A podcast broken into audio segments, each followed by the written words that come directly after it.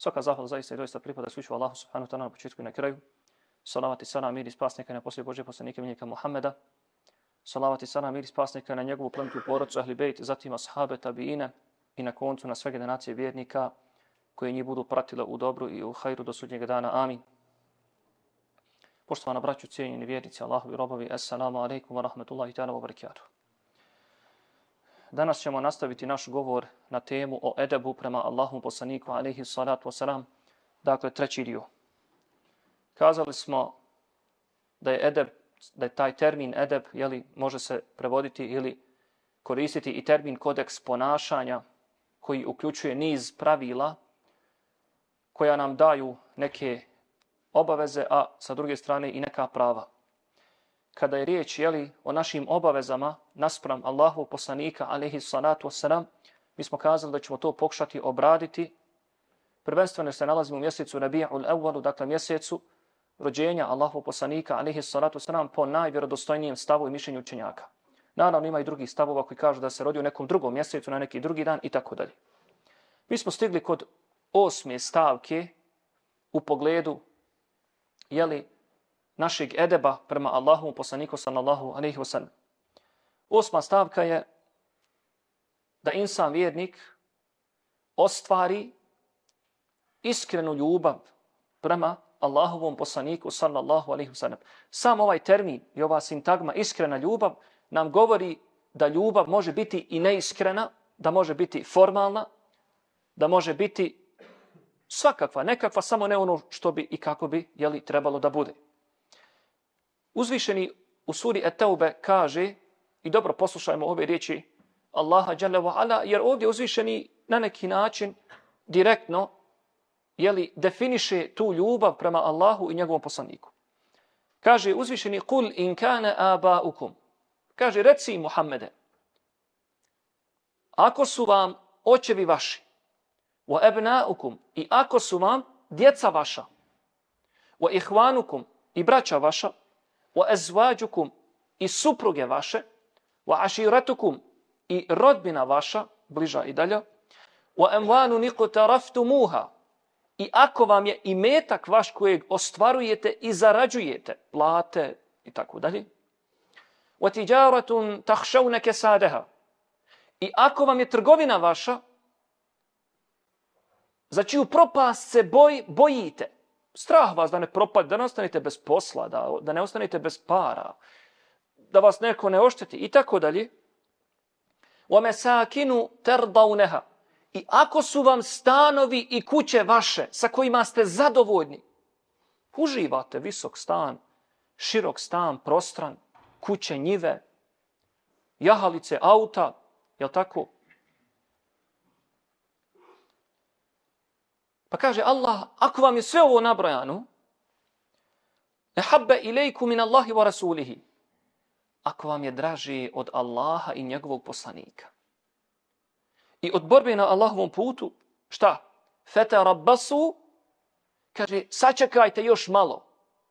Hatta je eti Allahu bi emri, dok Allah jalla wa ala ne dođe sa svojom naredbom i odlukom. U pogledu čega? U pogledu toga šta će da uradi sa onima kojima je sve ovo nabrano draže od Allaha i poslanika. Wallahu la yahdi al-qawm al-fasiqin, a Allah neće uputiti narod griješnički, onaj koji griješi.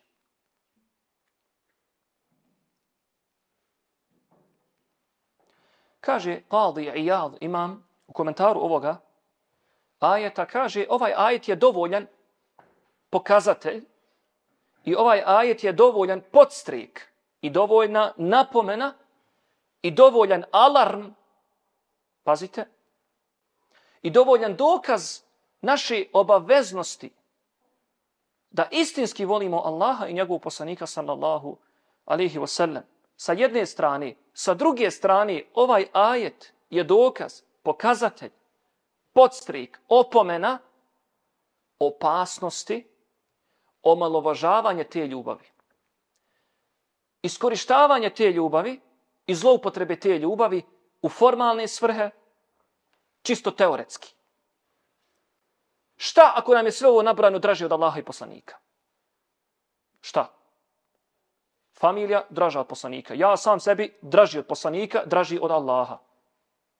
To se najbolje, najbolje može da vidi petkom svi koji rade dok džuma traje. Oni su time priznali, ne priznali, dokazali prvo sebi, a onda Allahu dali dokaz u ruke za sudnji dan, da im je plata bila draža od Allaha, jer džuma se ne može klanjati za tri sahata. Ne može se klanjati u kinijskom vremenu. Namaz se mogu spojiti. Mogu, svašta nešto može. Džuma ne može. I ja radim na poslu, vrijeme prolazi i dam prednost poslu, firmi, plati, egzistenciji u odnosu na Allaha i njegovog poslanika.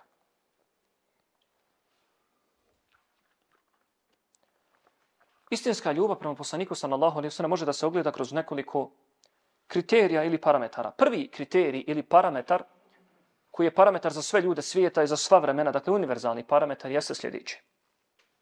Ljubav prema Allahu poslaniku sallallahu alejhi ve sellem mora da bude veća i jača prema njemu nego prema našim roditeljima, prema našoj djeci, prema našem imetku i svim ljudima svijeta. Od Enesa ibn Malika se prenosi da je poslanik alihi salatu sallam rekao la yu'minu ahadukum hata ekuna ahaba ilaihi kaže niko od vas neće biti pravi vjernik. Dok mu ja ne budem draži min walidihi od njegovog roditelja koji ga je rodio wa waladihi i od djeteta koje mu je Allah dao, podario, čeljadeta wa malihi i njegovoga imetka, onoga što posjeduje, od imetka šta posjeduje? Pa neko posjeduje stan, neko kuću, neko auto, neko posjeduje u Bosni dole njive i tako dalje. Ima ljudi koji su očarani time. Pa ne, ne može se nagledati oni svoje kuće dole što je fino skotsko u Bosni, u nju uložio sto Ne može se nagledati, svaki dan je gleda. Ima takvi, ja znam takve ljude. Koji su toliko očarani time. Misle da su se na nebesa popeli. A Allah govori o tome u Kur'anu. Inneke len tahriqa al-arda. Nećeš provjeti, oni koji su oholi, umišljeni, on se tako osjeća. Osjeća se korisni. A Allah kaže, nećeš bolam probiti nebesa. Da se ispneš na prste koliko god možeš, nećeš nebesa probiti. I nećeš kroz brda proći. Ali ima ljudi tako se osjećaju. Ili osjeća se korisnik kad bubne 50.000 eura za auto. To osjeća se fenomenalno.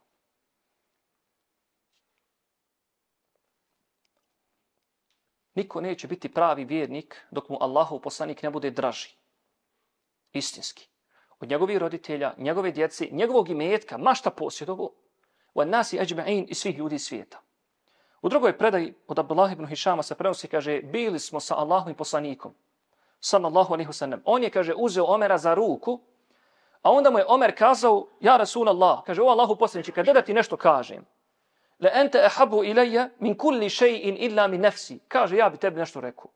Ti si meni, kaže, tako mi Allaha draži od svega na planeti, osim, kaže, od mene samog. Eto, jedino mi to nisi draži. Više želim sebi nego tebi. Ili više volim sebe i sebi nego tebe i tebi. Na što njemu Allahu poslanik odgovorio, la, valedi nefsi bi jedi. Ne, omere, tako mi onoga u čoj ruci je moja duša, sve dok ti i ja ne budem draži, nego ti sam sebi nisi upotpunio vjerovanje. Kada je Omer malo razmislio na te riječi, rekao je, fa innahu wallahi la anta ahabu ilaje mi nafsi, kaže Allahu posljedniče, eh, sad je, kaže, nadošlo. Tako mi Allaha, kaže, ti si mi zaista draži, nego i ja sam sebe. Kažu komentatori ovoga hadisa, ove riječi poslanika ne omere, znači ne omere, to nije dovoljno da dosegneš potrebni nivo. S jedne strane. S druge strane kažu učenjaci da to znači kome Allahu poslanik ne bude draži nego on sam sebi, on nije zapravo ostvario, paste, nije postigo suštinski, može čovjek riječima da priča što hoće. Nije ostvario, nije postigao istinsku ljubav prema poslaniku, alihi salatu wasalam. Dakle, nije došao na taj level. On je možda voli poslanika 10%, 15%. Razumijete? 30, ne kaže niko da ne voli nikako poslanika. Znači da ne idemo u krajnost. To je ljudima ovdje inače česta pojava. Kad se nešto kaže, on ide u suprotnu krajinu, donosi zaključke. Eto sad mi ne volimo nikako poslanika. Ne, to niko nije rekao. Ali ga ne voliš 100%. Voliš ga 15%, 5%, 6%, 39%. Moramo ga voljeti 101%. Ako sebe volimo 100%, Allahu poslanika 101%. To je poenta. Kažu komentatori ovoga hadisa, ljubav čovjeka prema sebi je prirodna i urođena. I ovo kaže Imam Hatabi. Pazite, prirodna i urođena. I to je normalno, braću. Da čovjek više voli sebi nego komši da više voli i tako dalje. Međutim, hubbu gajrihi, gajrihi ihtijar. Ali da insan voli drugome ili drugog ko sebe ili više od sebe, e to je izbor. Da čovjek voli rotelje, to je prirodno. Da voli djecu, to je prirodno i urođeno. Da voli sebi i sebe, to je prirodno i urođeno.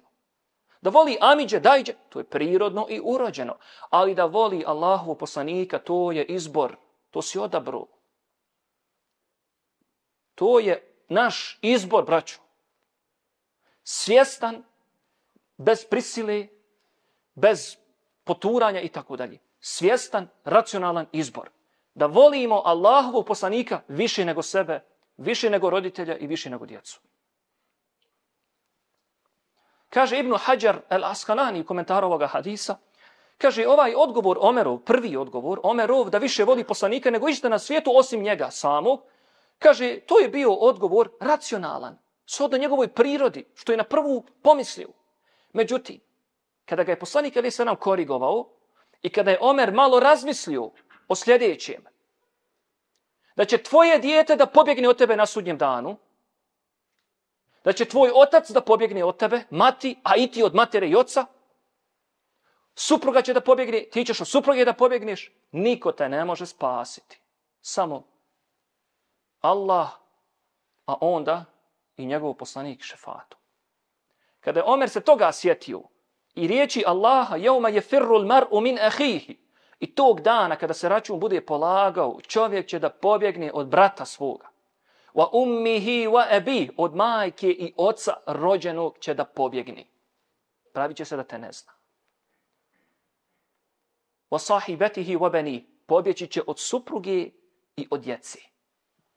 Pravi će se da i ne zna. Li kulli minhum yawma idhin sha'nu yughnih. Zato što toga dana svakom čovjeku pripada samo ono što je on uradio. Ako bismo istaći na svijetu ovom dunjalka, ovo mogli da uporedimo, sličnu situaciju mene lično posjeti na završne ispite na fakultetu. Dozivaju te insani koji nisu učili, koji su 4-5 mjeseci na semestar dolazili, nisu učili redovno, možda su bili kampanjski studenti, i šapori dozivate, hej, hej, de mi reci ovo, ti nemaš vremena, ni, za, ni, ni sebi nisi uradio. I onda ti si, dakle, osuđen da ga ignorišeš. Dakle, ti nisi ni svoj rad završio, a tebe tamo neko dozio da mu ti nešto pomogniš. I ako bi htio, nemaš vremena. I u Medini na univerzitetu često su profesori znali da koriste završne ispite, pa se čak i popnu na sto i održe predavanja, fantastična predavanja o sudnjem danu. Kad pogledate ovo, nema vremena ovaj iz prve klupe što je naučio, i ako hoće, i ako želi, nema vremena da pomogne ovome iza njega što nije naučio, što ga doziva. Nema vremena. Jer je njegov cilj da sebe spasi. I on to neće ugroziti. To niko neće ugroziti na sudnjem danu. Imajući to u vidu, kaže Ibn Hajar, uh, Omer radijallahu ta'ala anhu je prvi odgovor dao ono na prvu ishodno njegovoj racionalnoj prirodi. Međutim, kad je malo razmislio šta dobiva zato što voli istinski Allahu poslanika i da je poslanik ali se nam razlog njegovog spasa na sudnjem danu, onda je i Omer ibn Khattab promijenio dakle svoj odgovor jer sljeđenjem Allahu, sunneta Allahu poslanika, mi smo i upućeni na pravi put, uputa nam je dostavljena, sve nam je pojašnjeno, sve nam je objašnjeno, sve je precizirano i bez poslanika ali se nam ne možemo ući u džennet. Drugi parametar ljubavi prema poslaniku ali se nam jeste, naravno, nagrada koju dobija onaj ko sprovede tu ljubav prema poslaniku. Tako se prenosio denesa da je došao neki čovjek od poslanika i rekao, kaže, a kada će sudnji dan? Na što njemu Allahu poslanik odgovori, jeli, dobro, kad već pitaš, a šta si ti pripremio za sudnji dan? A on je njemu odgovorio, la še'e illa inni uhibbu Allahe wa rasulahu sallallahu sallam. Kaže, ništa posebno ja nisam pripremio Allahu poslaniće, osim što volim Allaha i njegova poslanika, alihi salatu wasalam. Na što je poslanik odgovorio, ente ma'a men ahbebte. Kad doista ćeš biti na sudnjem danu sa onoga koga si istinski volio. Koga si begenisu.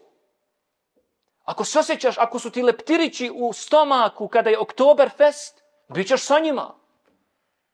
Ko uživa dok pije, bit ćeš sa pjanama. Ko uživa dok kocka, bit ćeš sa kockarima. Ko uživa i slast osjeća u džamiji sa džamijskim ljudima, bit će sa njima, inša Allah. Ali odgovor na to pitanje, koga mi istinski volimo, nema tu retorika sa tim ništa. Pitaj svoje srce. Gdje najviše vremena provodiš? Mi volimo danas telefone, pametne televizore, filmove, serije. Što kažu, znamo dijete nabrojati treći sastav Bajerna, a ne zna deseta sahaba da nabroji, koji ulazi u džennet. A zna treću, treću postavu Bajerna, zna da nabroji.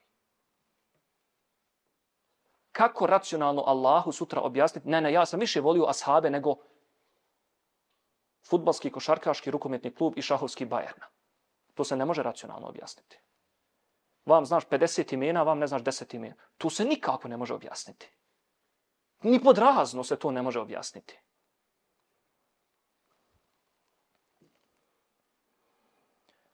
Kaže dalje Enes, kad je čuo ovaj hadis, da će čovjek biti na sudnjem danu sa onim koga je volio, kaže, nismo se nikad obradovali toliko, toliko, dok smo bili sa poslanikom ko taj dan kad smo čuli ovaj hadis. I onda kaže, možda malo i politički, jel rečeno, ako je iskren bio blago sa njemu, naravno, a imamo o njima najljepše mišljenje, kaže, ja doista volim Allahovog poslanika i volim Ebu Bekra i volim Omera i nadam se da ću biti sa njima na sodnjem danu, makar nisam radio onoliko dijela koliko su oni uradili. E to je optimizam. Ali kakva korist ako ja više volim sjediti u gradu tamo i pit kafu. I, I više voli konobara nego hođu kad ugleda. A ja, kad ugleda konobara, sjeti se kafe, a on voli kafu ili sjeti se nečeg drugog, nije bitno. Ili u, u nargila baru. A ima ljudi uživaju. Ima toga. Voli popušit nargilu, ne gljeba se najest. Ali taj odgovor na to pitanje, kad ugledaš konobara i kad ugledaš hođu, taj osjećaj, to se ne može kupiti, ni prodati. Kakav je, tako će ti biti na sudnjem danu. Ako ti je draži konobar, bit ćeš sa njim. Ali ako ti je draži vjernik, brat musliman u safu, ako ti je brat musliman u safu draži nek dunjalog da ti neko E i to se ne može kupiti. To se mora ostvariti i to se mora postići.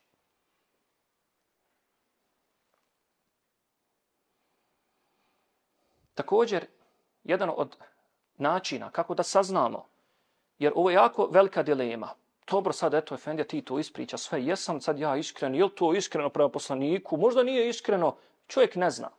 Jedan od načina da saznamo je i sljedeći hadis Allahu poslanika od Enesa ibn Malika se prenosi, da je poslanik Ali Sanam rekao, ko ostvari tri stvari, kaže, on će ostvariti i postići slast, užitak imana vjerovanja.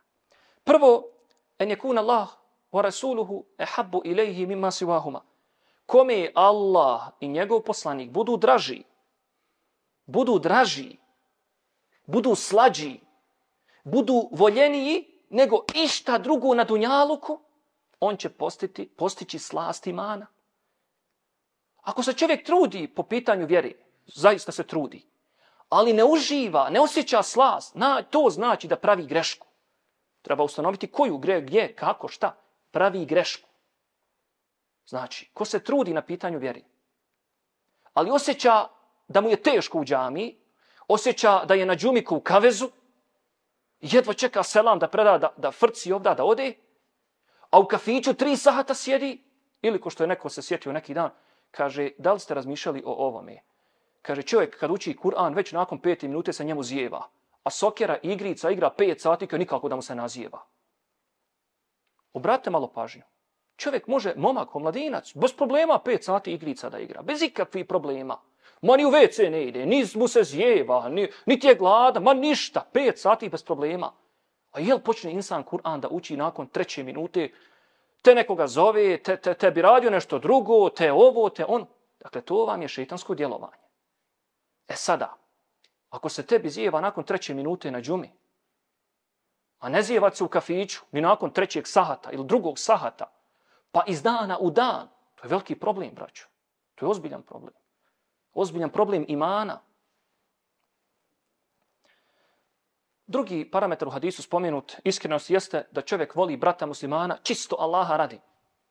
Čisto Allaha radi, kaže, ko to bude ostvario, on će ostvariti slast imana. Šta znači slast imana? Allah mu omili da bez problema, bez umora, da radi i 8 sati na poslu i kod familije i stigne da koristi zajednici. Bez ikakvih problema. Osladimo Allah to. Te ljude niko ne može potplatiti, potkupiti. Niko to ne može da uradi. Jer je njemu Allah vjeru omilio. I on zna zašto to radi. I takvi ljudi je pun naš džemat. Koji radi 8 sati i dođu još 8 sati u džematu radi. To je teško zamisliti.